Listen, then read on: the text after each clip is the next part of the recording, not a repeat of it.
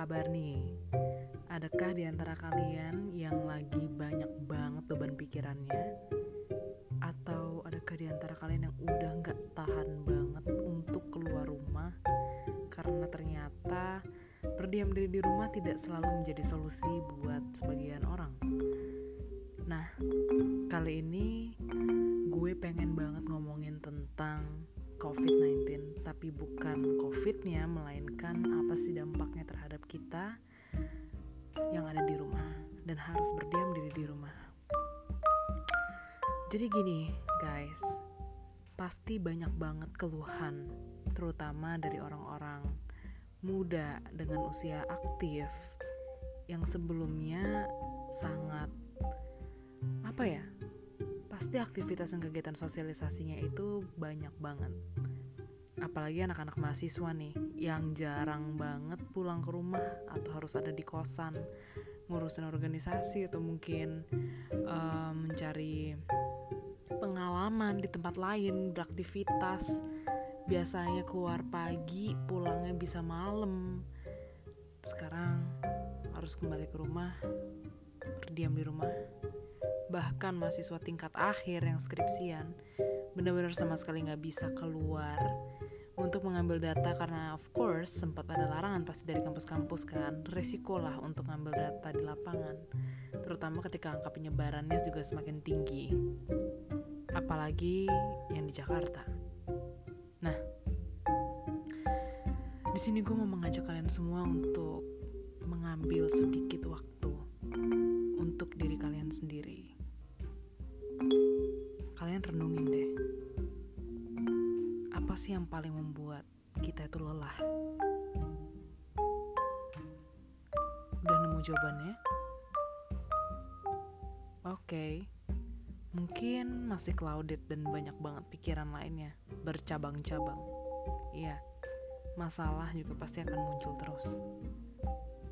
Tapi pernah nggak? Coba kalian tanya lagi ke diri apakah kalian sudah menerima keadaan? Dengan segala suka dan dukanya. Tinggal di rumah. Mungkin sebagian orang sebagian banyak orang juga kehilangan mata pencahariannya. Kehilangan relasi bonding bersama teman sahabat pasangan kalian, kekasih hati kalian. Mungkin ada di antara kalian juga yang mengalami anxiety disorder. Atau kalian juga udah mulai ngerasa gue bakal gila di rumah terus. Kalian gak sendiri. Tapi apakah cukup dengan mengetahui kalau kita tidak sendiri menghadapi apa yang sedang kita hadapi sekarang ini?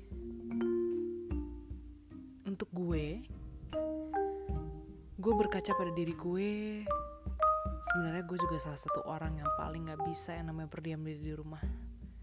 Gue udah berusaha untuk mengat apa ya untuk menata diri gue untuk beradaptasi dengan situasi yang ada sekarang tapi it seems hard and it's getting harder. Ketika gue tidak bisa ketemu sama pasangan gue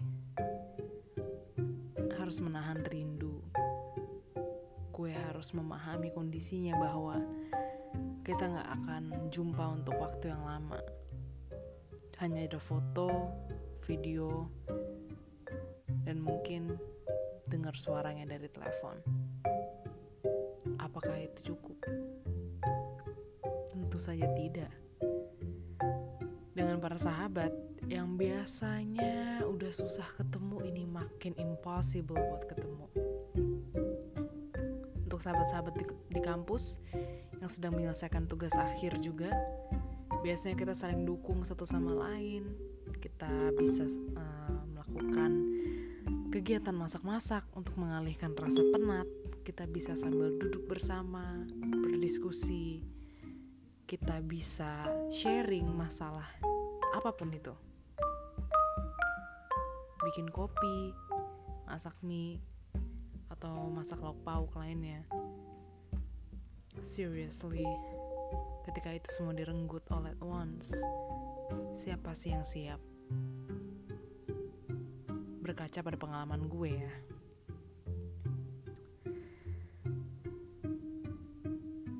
Selama dua bulan pertama ketika kita harus karantina di rumah gue pribadi menemukan struggle yang sangat-sangat tidak apa ya bentuknya tuh abstrak gitu loh. Fase denial. Di mana menurut gue sangat susah menerima kondisi gue harus diem aja di rumah skripsi entah gimana harus selesai juga ngambil data tapi tidak boleh karena high risk dan dosen pembimbing juga sangat sibuk. Semuanya mengandalkan sistem via video call online. Tapi sebenarnya apa sih yang gue kejarin itu jadi nggak jelas gitu. Gue nggak bisa ngeliat apa sih yang sedang gue hadapin. Apa sih sensasinya semester akhir ngambil data turun lapangan capek-capek gak tidur kenapa gue jadi harus berdiam diri di rumah? Kenapa gue harus membuang-buang waktu? Dan kenapa gue susah banget kompromi dengan kondisi ini? Gue nggak bisa yang namanya mengerjakan segala sesuatu itu di rumah. Mau itu belajar mau itu ngerjain paper mau itu ujian sekalipun apalagi skripsian. Gue punya metode gue sendiri. Dan gue rasa kalian juga pasti punya metode kalian sendiri yang kalian rasa paling cocok supaya kalian bisa belajar bisa kerja atau beraktivitas lainnya sobat listeners gak ada manusia yang bisa gagal kalau dia tidak mau mendorong dirinya sendiri gak akan ada manusia yang bisa menerima keadaan sampai mereka benar-benar berpasrah pada kondisi yang sedang mereka alami. Gak akan ada juga manusia yang bisa benar-benar ikhlas sampai mereka menemukan sisi baiknya dari suatu kejadian. Apakah kalian udah sampai situ? Apakah kalian tahu apa yang kalian rasain? apa kalian malah justru merasa udah gak terbendung lagi? Siapa juga sih yang minta cobaan kayak gini? Benar. Setiap kali gue mau pergi keluar bersama dengan misalnya pacar gue atau temen gue, always think of my family at home. Why? Gue takut banget kalau misalnya gue jadi carrier. We never know. Apakah lo akan clean? Apakah setelah mandi, cuci baju segala macam itu akan menjadi aman? Apakah lo sama sekali tidak melakukan paparan terhadap orang lain? Who knows? And nobody can guarantee that itu nggak akan terjadi di keluarga kalian itu nggak akan terjadi di sahabat-sahabat kalian atau manusia-manusia yang hidup di lingkungan sekitar kalian. I don't want to face the whole nightmare yang ada di berita-berita. Kalian juga pasti wish for the best untuk kondisi keluarga kalian masing-masing, teman, dan diri kalian sendiri. Terus pertanyaannya, kita harus apa nih? Udah kayak gini, kita makin gak tahan. Banyak orang yang juga masih lalai, tidak mengat tidak apa mengikuti aturan. Social distancing itu menjadi suatu momok doang. Gak ada orang yang bener-bener fear atas kejadian ini, atas pandemik ini sekarang orang-orang udah pada rame lagi di luar bisa ngeliat gak sih orang Indonesia tuh ngantri dengan jarak 2 meter jujur kok gue sih belum pernah tapi kalaupun ada mungkin wow. Hebat. Gue bener-bener hebat banget dan gue butuh lihat ada foto bahkan ada dokumentasi video kalau misalnya emang itu terjadi. Kenyataannya let's say Bintaro. Coffee shop coffee shop coffee shop juga udah pada buka. Tempat-tempat anak-anak muda nongkrong udah pada buka. Dan di antara coffee shop coffee shop itu malah yang paling rame tempat-tempat itu justru orang-orang udah pada kumpul orang-orang udah pada duduk bareng satu meja bisa bertujuh satu meja bisa bersepuluh berlima.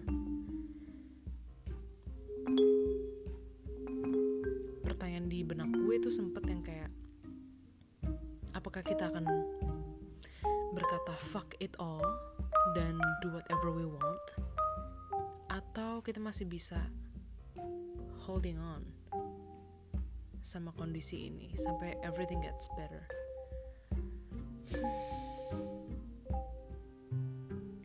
it's so unfair. Tapi menurut gue setiap manusia mem- memiliki again tantangannya masing-masing memiliki kebutuhannya masing-masing. Diverse. Dan gak mungkin satu orang ketika berkumpul dengan banyak orang lainnya akan memiliki perspektif yang sama terhadap suatu, suatu permasalahan gitu bokap gue dan nyokap gue tapi terutama bokap gue itu selalu takut banget sama yang namanya paparan virus ini. Dan gue selalu merasa stres every time gue mau keluar gue ngerasa kayak gue bakal jadi pembunuh bayaran. Kayak we all know the consequence tapi lo tetap keluar atau misalnya lo harus ngelakuin ini atau itu. Jadi tuh ada apa ya? Ada ketidakstabilan dari bagaimana kita mengelola rasa takut kita bagaimana kita mengelola emosi kita bagaimana kita deal dengan permasalahan ini sekarang.